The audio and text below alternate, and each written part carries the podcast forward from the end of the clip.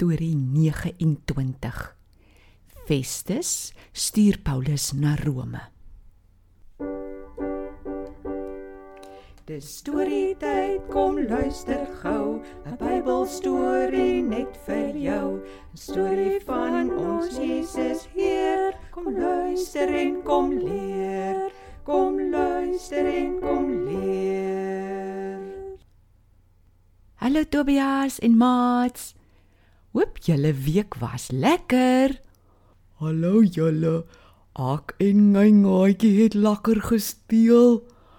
Ons het gespeel, ons is gesang. Ons toete en ons hande is vas. Maar ons sing nog steeds die ek weet liedjie. Toe nog ons ons hulle ons monde ook toedent, maar toe sing ons nog steeds. Die het seker snaaks geklink. Ja, so mm mm mm mm. Maar al kon ons nie die woorde uitkry nie, is die woorde steeds in ons kop en kan ons dit glo. Dit klink na 'n lekker speletjie. Die speletjie help julle om te bly glo in Jesus. Al gebeur wat ook al. Dan nie. Maar vertel ons verder dan Paulus asseblief. Ek vertel graag. Paulus was steeds in Caesarea opgesluit.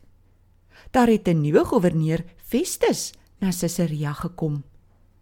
Hy het met die Joodse leiers gepraat en hy het selfs die koning van daardie area gevra om te help luister om uit te vind wat Paulus dan verkeerd gedoen het. Paulus het mooi verduidelik dat hy vir Jesus dien en vir mense van hom vertel. Jesus wat dood was en weer lewendig geword het. Hy het niks verkeerds gedoen teen die Jode nie. Festus en die Jode het die kant en daai kant toe gepraat oor wat hulle met hom moet doen. Paulus het gevra of die keiser self nie, maar na sy saak sal luister nie. Daarom sê Festus toe vir Julius, 'n Romeinse soldaat, om vir Paulus per skip na die keiser in Rome te vat. O, weer op 'n skut. Kom ek vertel julle 'n bietjie van die skeepsrit. Die eerste deel van die rit was goed.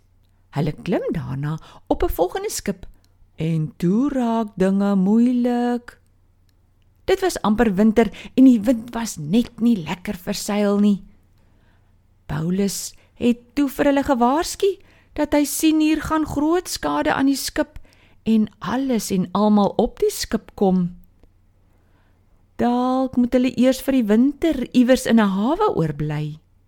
Maar Julius luister toe eerder na die skip se kaptein en hulle begin toe vaar na 'n volgende plek. O, orde het hulle toe moeilikheid gekry. Julle sommer groot moeilikheid. Daar was eers so 'n ou ligte windjie, maar die wind het net sterker en sterker geword tot dit 'n stormwind geword het. Hulle kon nie die skip op koers hou nie en het sommer maar net gedryf. Die matrose het sterk toue onder om die skip vasgemaak wat moes help dat die golwe nie die skip stukkend slaan nie. Hulle het baie swaar gekry. Die wind waai. Alles is nat. Hulle sien nie meer die son nie. Hulle sien ook nie sterre nie. Hulle weet nie waarna toe hulle dryf nie. Een oggend het hulle maar alles wat op die skip was, wat hulle na Rome moes vat, in die see gegooi. Hulle het tot die skip se gereedskap naderhand in die see gegooi. Hulle het begin glo dat hulle gaan doodgaan op hierdie skip. Hulle was so moedeloos dat hulle sommer opgehou eet het. Maar Toe verskyn 'n engel aan Paulus. "Ag, dankie tog." Onthou ons liedjie Tobias? God laat alles goed meewerk vir die wat hy liefhet. Paulus het met die manne gepraat. "Julle, ek het mos voorgestel ons moes nie begin vaar het nie. Maar selfs in hierdie moeilikheid wat ons nou is, vra ek julle om moed te hou.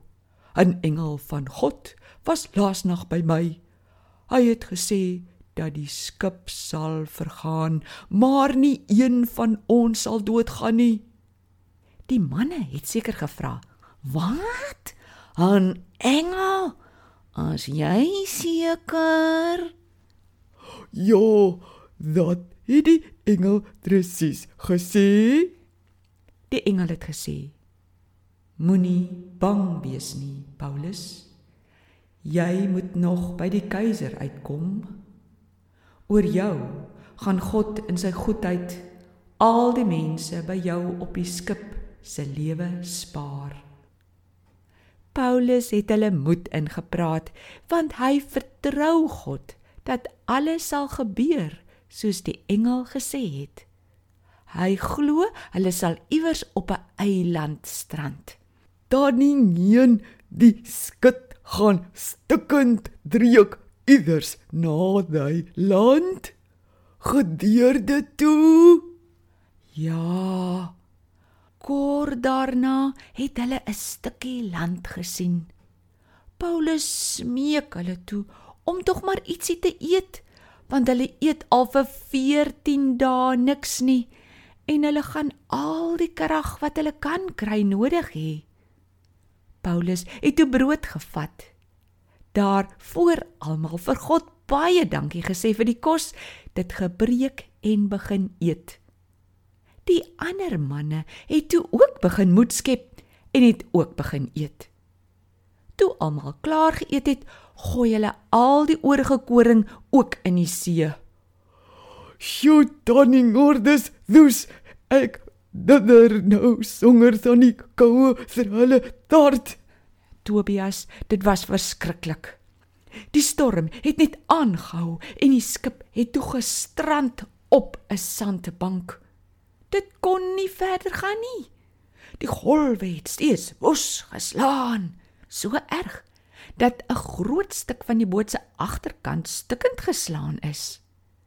Die soldate wou toe al die gevangenes doodmaak dat hulle nie dalk kan weghardloop as hulle op die eiland kom nie, maar Julius wou Paulus red en keer hulle toe. Ons storie van vandag eindig waar hulle toe tog uiteindelik naby die strand gekom het. Die wat kon swem, spring toe af en begin swem. Die ander het maar aan planke vasgeklou en gedryf en so het almal op die ou end veilig by die strand uitgekom. Sjoe, dat 'n verligting. Dis wonderlik, net soos die engel gesê het. Danie, hou God altyd sy beloftes. Altyd, altyd Tobias. Ons kan hom 100% vertrou. My maatjie, gaan van hierdie storie hou. O, en ons kan skud en storm en engel steel en ek kan vir hom vertel God hou altyd sy beloftes. O, ek kan nie wag om die storie oor te vertel nie. Ek moet nou dadelik gaan. Tot sins julle. Tot sins Tobias. Mats, julle kan dalk ook speel wat Tobias en sy maatjie wil speel. Onthou, God hou altyd altyd sy beloftes. Ons gesels weer. Totsiens.